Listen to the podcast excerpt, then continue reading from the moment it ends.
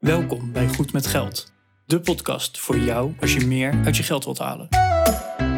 Je financiën op orde of eerder kunnen stoppen met werken? Schuif aan, want hier zijn we goed met geld.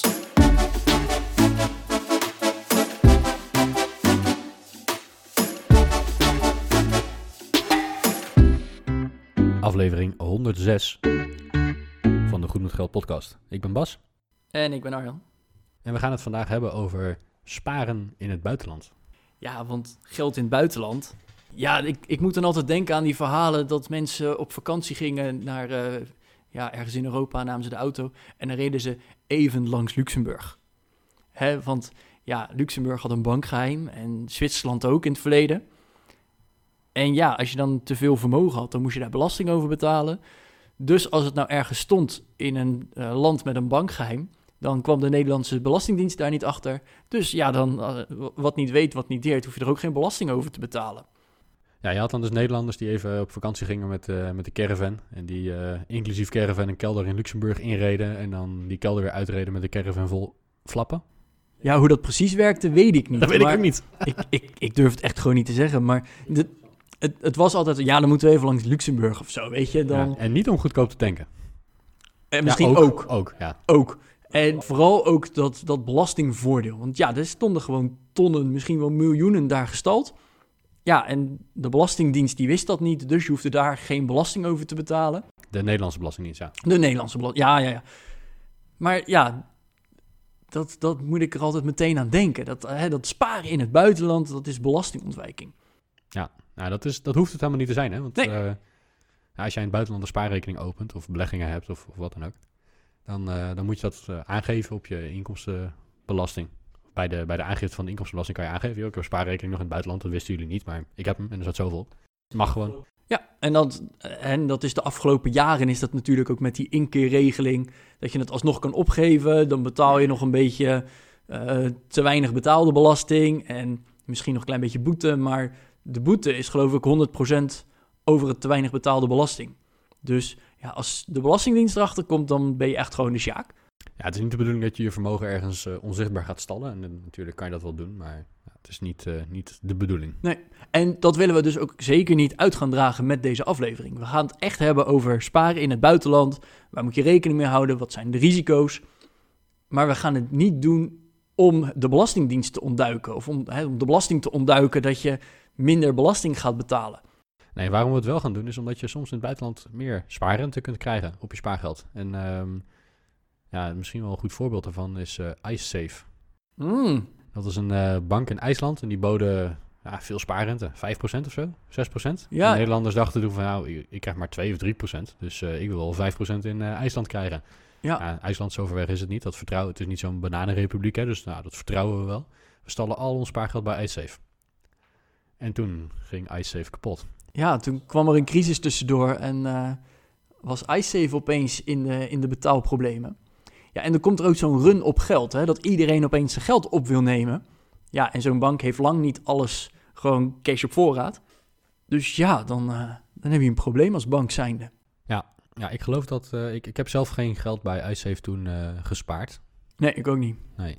Ik ken wel iemand die dat wel heeft gedaan. Niet, niet met heel veel. Die, die persoon die begon toen op dat moment net een beetje met, eh, met sparen. Die dacht van, nou, ik heb wat spaargeld en ik wil wat meer spaarrente Ja. krijgen. Of wat rendement maken. En, en hij begon toen net op dat moment. Dus ik geloof dat hij iets van 1000 euro daar had gestald. Maar ja, die was al weg. En uiteindelijk heeft hij alles teruggekregen. Maar dat heeft echt jaren geduurd.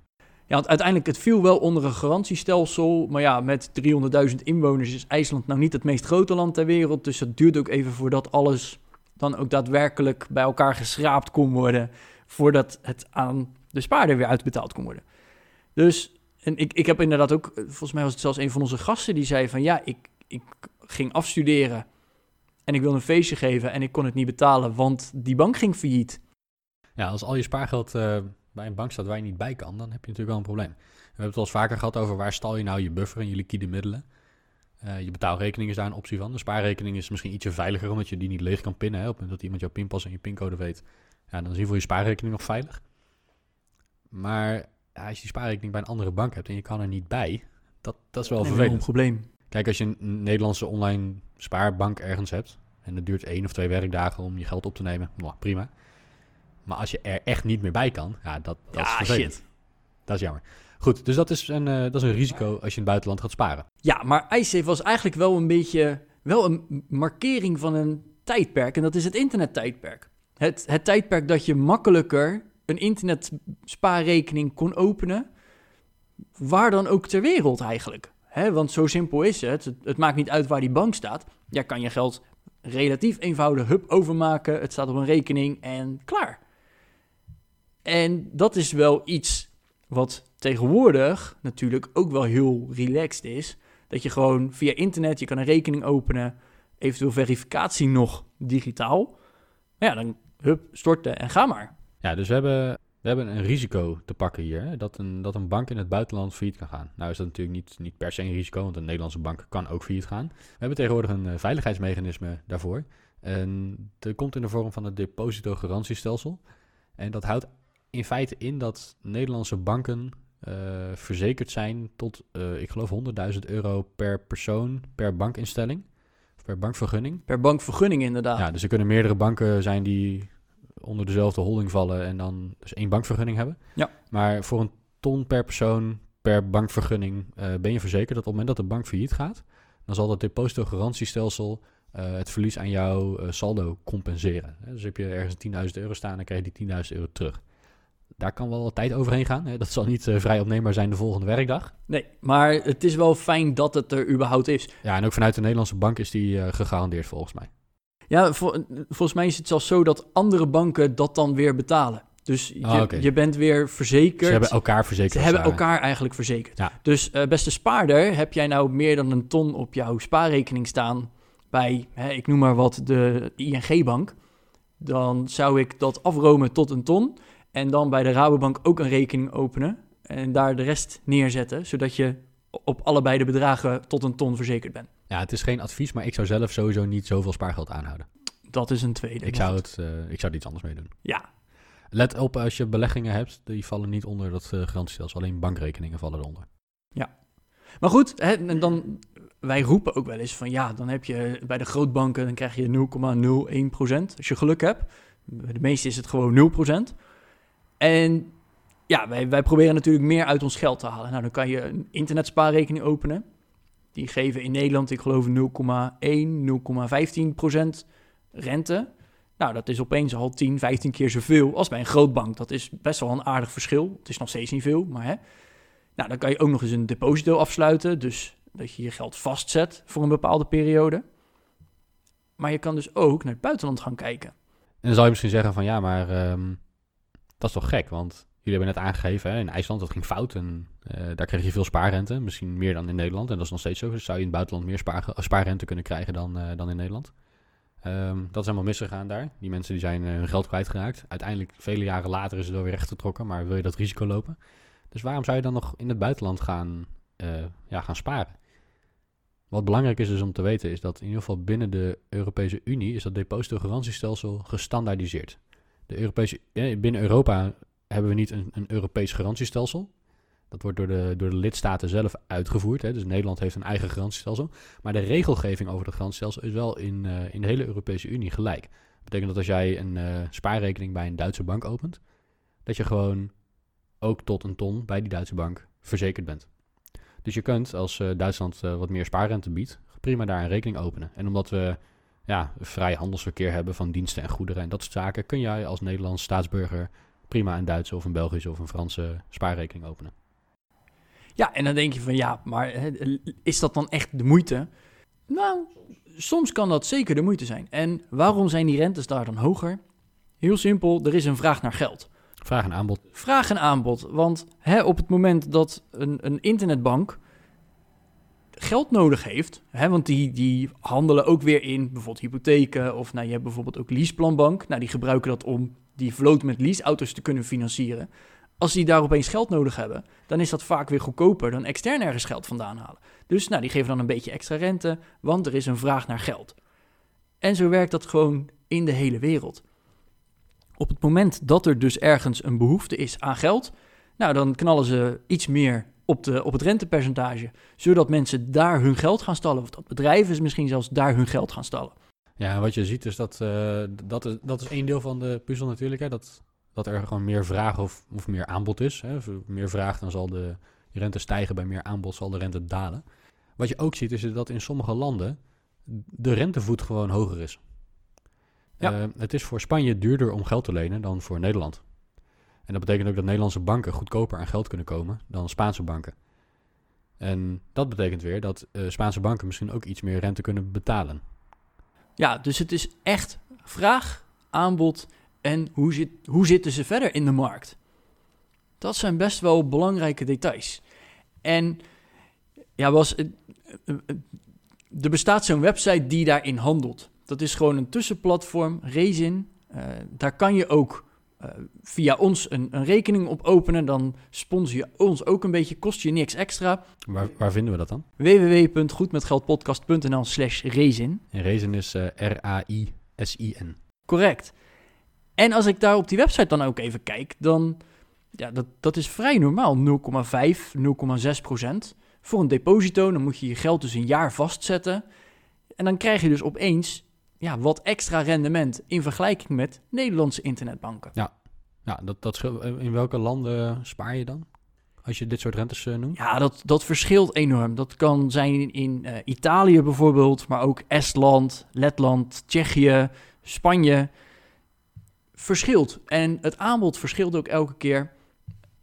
Maar het is wel een optie om jouw geld gewoon net iets meer te laten renderen dan bij de rest. Ja, let op, het gaat hier dan echt om een eh depositospaarrekening... waarbij je geld dus vastzet voor een bepaalde periode. En dat, is, eh, dat kan van enkele maanden tot tien jaar zijn, geloof ik. Daar moet je even van bewust zijn. Hè? Je kunt niet bij je geld in die periode. Je kiest zelf de periode waarin je hem vastzet. Eh, zet je hem wat langer vast, krijg je wat meer rente over het algemeen. Hè? Dat, is, dat is een beetje hoe het werkt. En, en Rezen bemiddelt, bemiddelt daarin. Ja, en daar, daar zit dus vaak ook nog een minimumbedrag aan vast. Dus het is niet van, oh, ik heb 100 euro over, dus hè, ik open zo'n zo'n internetspaarrekening. Nee, het gaat echt wel om vanaf 1000, 2000 euro. Eh, en soms zit er zelfs een maximum aan dat je niet meer dan zoveel geld daarin mag leggen. Ik, ik vraag me ook af waarom je in godsnaam 100 euro zou gaan vastzetten in een deposito. Nou, bijvoorbeeld als je een rentecarousel wil starten, dat je elke maand 100 euro vastzet. Om hè, op die manier wat meer rente te genereren. Maar goed, als ik het even vergelijk met een Nederlandse internetspaardeposito, dan eh, zijn de rentes al snel twee keer zo hoog. Nou, dat vind ik best wel aantrekkelijk voor het geld een jaar vastzetten. Ja. Wat echt ook wel een periode is die te overbruggen is. hey, maar Bas, er zijn ook dingen waar je dan weer rekening mee moet houden. Want wij, wij roepen wel van, hey, knal het in het buitenland en je krijgt twee keer zoveel rente. Maar, maar zo werkt het niet helemaal. Nou ja, zo werkt het misschien wel helemaal. Alleen er zijn wat dingen waar je rekening mee moet houden. Als jij in euro's spaart, dan is de rente die je krijgt ook gewoon de rente die je krijgt. Zo simpel is het. Ja. En eh, de, de risico's, hè, dat, dat de rente die jij krijgt misschien minder is, eh, met name als je in, in buitenlandse eh, valuta of in, in andere valuta dan de euro gaat sparen. Je zou kunnen zeggen dat je, ehm, de Amerikaanse spaarrente is wat hoger. Amerikaanse hypotheekrente is ook hoger. De, gewoon de, de rente in Amerika is hoger over het algemeen. Ja. Dus je zou kunnen zeggen, ik ga een Amerikaanse spaarrekening openen. En dan krijg ik eh 1% rente. Of 2%, weet ik. Ik heb geen idee. Maar ik heb meer dan in Nederland. Ja. Het nadeel is alleen dat als jij 1% rente krijgt en de euro-dollar koers verandert met een procent, dan is al jouw rente weg in euro's gezien. Hè, want die 1% rente krijg je op de dollars die je hebt staan. En als je jouw dollars dan weer gaat omwisselen voor euro's en je krijgt weer minder euro's ervoor, dan, dan is al je rente weer weg. Ja, en, en, en om het even wat extremer te maken en een voorbeeld te geven. Stel, jij gaat 1000 euro, zet jij op een, eh, een spaarrekening in Amerika. Daar krijg je, nou, ik noem maar even 2% over. Dus dan heb je aan het eind 1020 euro. Zou je in euro's hebben. Nou, in het begin krijg je voor elke euro krijg je een dollar. Dus dan heb je ook 1020 dollar aan het eind. Maar stel nou dat, je, dat de dollar echt gigantisch gedaald is. En dat je nog maar 90 cent in euro's krijgt voor elke dollar. Ja, dan, dan gaat dat daar gewoon aan op. Dan, dan is dat rendement, hè, die 1020 dollar. Nou, als je voor elke dollar 90 cent krijgt, dan krijg je voor die 1020 dollar nog maar 918 euro. Nou, dan heb je dus Negatief rendement gemaakt. negatief rendement, want je bent in een jaar tijd 82 euro eigenlijk kwijtgeraakt, omdat je met een andere valuta bent eh, gaan, gaan sparen. Ja, dus, dus let erop hè, dat als je in het buitenland gaat sparen, van ja, je kunt misschien meer rente krijgen. Je loopt wel het risico dat, uh, dat als je jouw euro's gaat omwisselen voor een, uh, voor een buitenlandse munt en, en later weer terug, hè, na, na een jaar of na een langere periode, ja, dat, je, dat je winst of verlies kan maken op, uh, op die koers. Ja, wat ook nog wel een belangrijk is, Bas, is dat als jij in het buitenland gaat sparen, dan heb je ook met andere wetgeving te maken. Hè, want dat depositogarantiestelsel is wel door de EU ingesteld. En elk EU-land moet daaraan voldoen. En dat is redelijk genormaliseerd. Maar andere regels niet. Denk bijvoorbeeld aan belastingregels. Hè. Wij kennen in Nederland het vermogensrendementsheffing. En dus betaal je aan het einde van het jaar, of aan het begin van het jaar, net hoe je het ziet, betaal je een belasting over het vermogen wat je op dat moment hebt. Dan maakt het niet uit hoeveel rendement je hebt gemaakt. Je betaalt gewoon een, een belasting over het vermogen. Maar in andere landen is dat anders. Dan betaal je bijvoorbeeld een belasting over het, de rente die je betaald krijgt. Dus dan betaal je en belasting over de rente. En je betaalt nog eens belasting over je vermogen in Nederland. Ik, ik vraag me af of dat zo is. Ik denk als jij een, een buitenlandse spaarrekening binnen Europa opent, ben je dan ook meteen belastingplichtig voor de rente die je in dat land ontvangt? Durf ik eigenlijk niet eens te zeggen. Ik, ik vraag het me af. Ik, ik weet wel dat we binnen Europa hebben best wel wat, uh, wat belastingverdragen om dubbele belasting te voorkomen. Dus ja, in Nederland betaal je wel belasting, inkomstenbelasting over je, over je wereldwijde inkomen. Uh, en daar valt de vermogensrendementsheffing en die valt ook onder de inkomstenbelasting.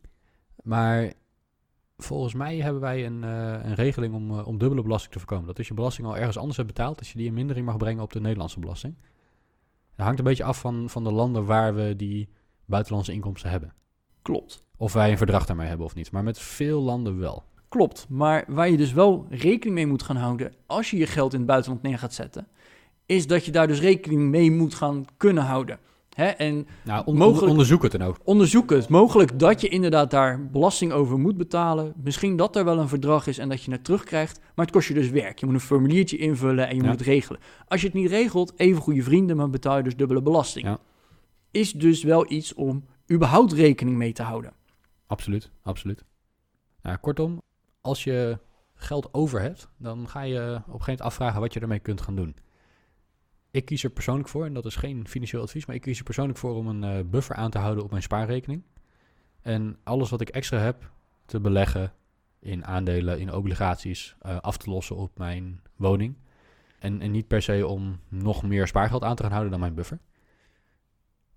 Doe je dat wel, zeg je van nou, ik, ik wil mijn overtallige kapitaal eigenlijk ook uh, volledig of deels in spaargeld aanhouden. Dan loont het dus wel de moeite om te gaan kijken naar bij welke bank kan ik dan de meeste rente krijgen kan ik misschien mijn spaargeld vastzetten in een deposito of wel op een rekening enzovoort. Dus dat zijn vragen die je zelf moet uh, stellen. En ja, je, zou dan de verleiding kunnen voelen om in het buitenland te gaan sparen. Let daarbij op dat je nou ja, in elk geval te maken kunt krijgen met andere wetgeving, met andere belastingen. Buiten de EU hebben we misschien, uh, heb je misschien geen recht op het garantiestelsel dat wij kennen.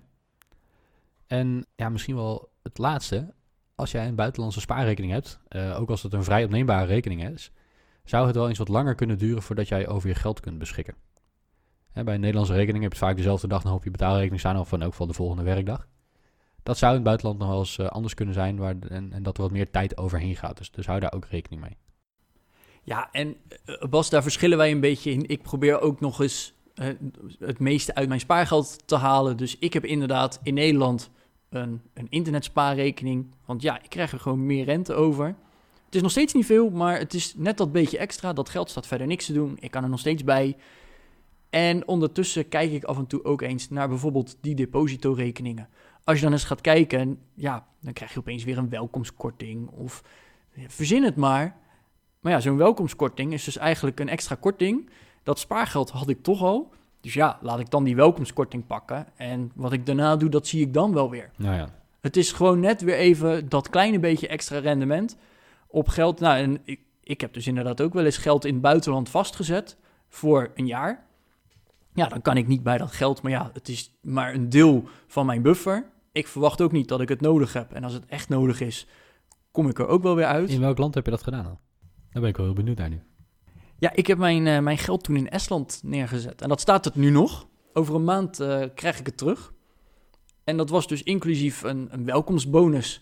En allereerst was al dus dat, dat rentetarief was al hoger. Hoe, hoe lang heb je je geld vastgezet? Ja, ik heb mijn geld toen uh, voor een jaar vastgezet tegen 0,65 procent. Oké. Eh, Dat is wel ietsje meer dan dat je hier in Nederland krijgt. Eh, niet extreem, toen ook al niet. Hm. En ik heb 5000 euro toen vastgezet. Oké. Maar ik kreeg ook nog eens 20 euro welkomstkorting. Oké. En ja, dat is dus eigenlijk gewoon rendement waar je niet extreem veel voor hoeft te doen. Dus effectief kwam daar gewoon nog 0,4% bij, Nou ja. omdat ik precies aan de voorwaarden voldeed. Ja. De welkomstkorting was opeens twee keer zo hoog. Ja. Dus nou, dat kwam nog gunstig uit. Dus ik kreeg 0,65% überhaupt wel aan rendement, plus 0,4 aan welkomstkorting. Dus ik kreeg opeens, om door het geld een jaar lang vast te zetten, 1,05%. Oké, dus je hebt 5000 euro vastgezet voor een jaar. Ja. En dan krijg je straks 50 euro en een beetje aan rente op. Nou, dat vond ik op zich eh, voor hè, geld wat ik op zich over heb, wat ik dat jaar niet verwacht nodig te Mhm. hebben. En ik heb daarnaast ook gewoon nog mijn, mijn spaarbuffer. Vond ik dat op zich best wel een, een leuke deal om dat geld toch even een jaar ergens even te stallen. Nou ja, ja. Zou, je, zou je dat nog een keer doen? Gewoon even, voor, hè, is- voor de luisteraar hebben we het stukje theorie behandeld, maar eh, de ervaringsdeskundige is natuurlijk ook interessant. Eh, ik, ik heb het als erg prettig ervaren. Ik, ik heb dat inderdaad dus ook via Racing toen gedaan. Dus eh, stempel of approval staat er nu op. Ik, eh, ik heb het als prettig ervaren. Ging prima. Ik moet wel zeggen dat het bij mij toen die welkomstbonus was die het wel extra aantrekkelijk maakte. Ja. Want voor 30 euro deze moeite doen. Ja, nou, je moet toch weer even een rekening openen. Je moet even geverifieerd worden. Je moet, nou, Ja. Er zijn gewoon een aantal voorwaarden waar je even aan moet voldoen. Moet je bij een Nederlandse bank ook. Dus hè, dat, dat scheelt gewoon. Dus ja, zou ik het nog een keer doen? Ja, op, misschien op dit moment niet, omdat ik mijn spaarbuffer ook wat aan het verlagen ben. Dus dat geld wil ik gewoon weer beschikbaar hebben, omdat de grote totale buffer wat lager aan het worden is. Nou ja. Dus ja, eh, zou ik het nu nog een keer doen? Qua ervaring wel, qua huidige strategie niet. Nee, kijk, ik zou er dan misschien voor gekozen hebben als ik die 5000 euro niet nodig had gehad voor mijn buffer, zou ik het gewoon in aandelen gestoken hebben, waarschijnlijk. Of misschien afgelost op mijn huis. Maar ja, het enige nadeel is dan dat je er niet meer zo makkelijk bij kan. Ja, met aandelen wel, maar loop je koersrisico enzovoorts. Dus ja, in een deposito kan je er ook een jaar lang niet bij, maar loop je geen koersrisico, dat is, ja, dat is even een afweging die je moet maken. Ja, dat, dat was dus een, een risico toen ik hiermee begon. Toen was ik ook pas net met aandelen begonnen natuurlijk. Ja. Dus dat scheelt ook. Dat ik, daar zat ik al in een opbouwende fase. Eh, in mijn crowdlending waren er gewoon minder nieuwe projecten. Ja. Dus ik had opeens een, een extra smak met geld. Ja. Dus ik heb dat toen gewoon tijdelijk daar neergezet. Eh, ben toen weer verder gaan kijken van oké, hoe gaat mijn strategie zich ontwikkelen? En op die manier gaan we weer verder. Ja, ja, dat is wel interessant, want het geeft je eigenlijk gewoon een jaar de tijd om even te bedenken van wat wil ik er nou mee doen. En, en ondertussen krijg je gewoon iets meer rente. Iets meer rente dan niks. Inderdaad, want hè, de, ja. de rente op je gewone grootbankrekening, ja, dat is... Ja. En als je nou, ehm, zou jij ervoor kiezen als je zegt van nou, ik heb eh, ook op de langere termijn die 5000 euro niet nodig. Zou je het dan eh, bijvoorbeeld op je hypotheek aflossen? Want dan pak je meer rente dan die 0,6. Dus ik neem aan dat je hypotheekrente hoger is dan, dan 0,6. Is, dan zou dat een optie zijn. Als je zegt van ik heb het niet maar een jaar lang niet nodig, maar ik heb het de komende 10 jaar ook niet nodig. Dan zou je kunnen zeggen van dan doe ik dat. Ja, zou je, zou je inderdaad kunnen doen. Ehm, ik vind het lastig om, om daar nu direct antwoord op te geven. Aan de ene kant namelijk, als je het in je hypotheek stopt, dan kan je er echt niet meer bij. Moet je eerst een andere hypotheek af gaan sluiten Ja, ja. voordat je weer aan dat geld kan komen. Als je het in een deposito stopt, afhankelijk van de deposito, zijn er vaak dan wel weer wat voorwaarden om alsnog aan dat geld te komen. Hè, stel dat je je baan kwijtraakt, dan wil er nog wel eens zo'n clausule in zitten dat je aan dat geld kan komen. Oké, dat is wel even interessant ook eh, voor jou als luisteraar. Als jij erover nadenkt om een deposito-rekening te openen, in het buitenland of niet, hè, we hebben het vandaag over het buitenland, maar dat geldt natuurlijk in Nederland net zo. Let even op de voorwaarden. Hè, onder welke voorwaarden mag je wel of niet bij dat geld komen? In principe is de regel, een deposito staat vast voor de looptijd, je kunt er niet bij. Ja. En je krijgt op het einde het geld weer uitgekeerd. Maar er zijn dus, eh, vertel je nu, voorwaarden waarin je tussendoor wel bij het geld mag Er, komen. er zijn zeker voorwaarden. Ik, ik ben bijvoorbeeld eh, bij het kopen van mijn huis erachter gekomen dat ik mijn deposito's die ik toen had lopen niet kon gebruiken op het moment dat ik een nieuw huis ging kopen. Terwijl bij andere banken krijg je misschien 0,05% minder, maar dan kan je relatief boetevrij die deposito alsnog gaan gebruiken. En dan is de boete waarschijnlijk dat je de rente niet krijgt of zo. Ja, zoiets. Maar dan kan je dat dus gebruiken om je huis mee te financieren. Of hè, die, die kosten koper die je niet kan lenen, die kan je dan vanuit die deposito gebruiken. Ja, als dat niet zo is, dan moet je opeens een boete betalen. En dan kost het je dus rendement op het moment dat je dus dat geld wil terugkrijgen. Oké. Goeie, goeie overweging. Ja. Ja, en, en, dat vind ik dus wel weer. Ik, ik vind een huis aflossen is wel heel definitief. Want dan Ja. moet je dus eerst een nieuwe hypotheek afsluiten voordat je aan dat geld kan komen. Ja, dus je moet wel zeker weten dat je het niet nodig hebt. Ja, bij een deposito dan kan je nog kiezen. Ik ga voor één jaar, ik ga voor vijf jaar of iets ertussenin tot zelfs tien jaar. Hmm. Hoe langer je het vastzet, hoe hoger het rendement ook. Ja. Hè, dus dat zijn allemaal overwegingen. Ja, ik, en dan vind ik het bij aandelen, dat fluctueert zo enorm. Eh, De, de ene dag is het weer een paar honderd euro meer waard dan de andere dag. Dus Ja. dat vind ik erg lastig. En dan is zo'n deposito misschien wel weer heel fijn... dat je wel een, een stabiele pot hebt, laat maar zeggen. Ja, snap ik. Nou, goede overweging. Ik heb er eigenlijk zelf nooit zo over nagedacht om, om spaargeld ook op die manier in te zetten. Ik, ik heb altijd zoiets van, nou, ik heb, ik heb, inmiddels doe ik het niet meer, maar ik heb best een flink stukje op mijn huis afgelost. Enerzijds om mijn maandlasten te verlagen, anderzijds ook om eh, nou, eventueel eh, vastgoedverhuur of iets dergelijks in de toekomst eh, makkelijker te maken. En het restant, dat stop ik eigenlijk allemaal in aandelen. Ik heb eigenlijk nooit zo over spaargeld nagedacht, maar dat is wel een goeie. Nee, maar we hebben het wel eens eerder erover gehad... over zo'n rentecarousel. Ja. Dat je zelf elke maand een deposito afsluit voor een jaar. Ja. Nou, en op een jaar krijg je gewoon veel meer rendement... dan wanneer je het niet vastzet. Mm, ja, Zo simpel is het gewoon. Ja. Als ik nu gewoon een, een Nederlandse spaarbank vergelijk, los, gewoon direct opneembaar is 0,1%, een deposito is 0,3% van Ja. een jaar. Hè? Dus dan krijg je al drie keer zoveel rente. Nou, als je elke maand een deposito opent, krijg je elke maand een stukje uitbetaald. Dan moet je weer een nieuwe deposito openen. Ja, prima. Je kan niet in één keer bij het hele bedrag, maar op het moment dat je zegt, nou, over drie maanden of over een half jaar ga ik misschien wel verhuizen of hè, ik heb een huis op het oog, dan heb ik een stukje kosten kopen nodig. Mm. Nou, dan open je gewoon niet meer nieuwe deposito's, wordt er elke maand een stuk uitbetaald. Dan laat je het vrijvallen als ware. Ja, ik zit er nu over na te denken. Want ik, ik heb in mijn beleggingsportefeuille een deel aandelen en een deel obligaties. En in plaats van obligaties zou ik natuurlijk dat, dat gedeelte of dat bedrag in zo'n eh rentecarousel via deposito's kunnen stoppen. En je zegt van ik doe dat met 12 verschillende deposito's van 1 tot 12 maanden looptijd. En elke keer als die één maand vrijvalt, zet ik hem weer 12 maanden vast. Waardoor je constant een jaar vooruit, zeg maar, Ja. eh, elke maand een stuk geld vrij krijgt. Of een, een twaalfde van dat geld vrij krijgt. Ja.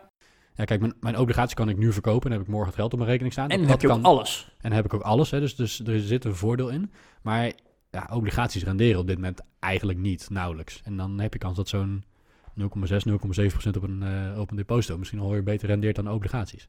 Ja, dus, en dat Ga zijn dus hele interessante overwegingen Ja. van... Ja, welk deel hou je aan buffer? En dat hè, direct buffer waar je ook echt meteen bij kan. Ja, dat is belangrijk. Welk deel zet je semi-vast in bijvoorbeeld obligaties? Hè, want dat fluctueert, dus Ja. daar, daar kan je wat op winnen, daar kan je wat op verliezen. Ja. Maar het rendement is iets hoger dan vrij opneembaar. Of ga je misschien wel naar een deposito, zet je het voor een jaar vast. Hmm. En maak je daar een carousel van. Overwegingen ten top, die je gewoon even mee moet nemen. Van oké, wat verwacht ik in het komende jaar, in de komende twee jaar? Hoe zit dat bij, eh, hoe zit dat bij Rezen? Heb je daar, eh, is dat gewoon een Rezen-rekening en, en stoppen zij dat geld onderling in hun systeem ergens bij een bank? Of heb jij echt allemaal losse bankrekeningen bij heel veel verschillende banken straks? Ik heb waarschijnlijk straks heel veel losse rekeningen. Ah, dat is wel Eh, is wel een centraal platform. Ja? Die hebben een eigen bankvergunning. Dus op het moment dat je geld naar hun overmaakt, vallen zij ook weer onder, uit mijn hoofd gezegd, het Duits- Duitse depositogarantiestelsel. Mhm. En als je zo'n deposito opent, openen zij voor jou die deposito en storten zij dat geld daar dan in. Het is wel interessant om te zien wat er straks jouw inkomstenbelasting eh, aanslag staat van, de, van de, die voor, vooraf ingevulde aangifte, zeg maar. Of, of daar die. die heel buitenlandse- benieuwd. Ik heb of- hem voor of- 12 Of die maanden- Estlandse rekening daar al op staat. Daar ben ik wel benieuwd naar. Ja, als het goed is dus wel, want ik heb hem in eh, februari vorig jaar afgesloten. Dus hij moet er nu op Dus hij zou erop moeten komen staan. Ik ben, Ja. eh, ik ben heel benieuwd. We gaan het zien. Als je deze aflevering nou leuk vond, geef ons dan eh, een 5 sterren review op Apple Podcast. Eh, veel van jullie hebben dat al gedaan. Luister je nou niet via Apple Pod- Podcast, maar via Spotify, dan kan je je abonneren. Dan, ehm, ja, waarom zou je dat doen? Nou, omdat er meer dan 5000 anderen zijn geweest die dat hebben gedaan. Dus je bent niet, eh, je bent niet de eerste in elk geval. Dat betekent dat wij nou, misschien toch wel interessante content maken voor deze 5000 mensen. Dus als jij daar ook eentje van bent en je wil niks meer missen en elke week de Goed met Geld podcast in je oren hebben, abonneer je dan op Spotify. Ja, en wil je reageren, doe dat dan ook gerust. Hè? Dat kan via mail, gmg.goedmetgeldpodcast.nl. Maar je kan ook een eh, reactie achterlaten onder de show notes van vandaag. Goedmetgeldpodcast.nl slash 106. Eh, We zijn te vinden op Instagram, daar kan je ook een DM sturen. We reageren overal in principe op. Dus ja, waarom niet? Hè? Er, er zijn veel meer volgers dan alleen jij. Dus eh, join the group en ja, word ook goed met geld. Tot volgende week. Tot volgende week.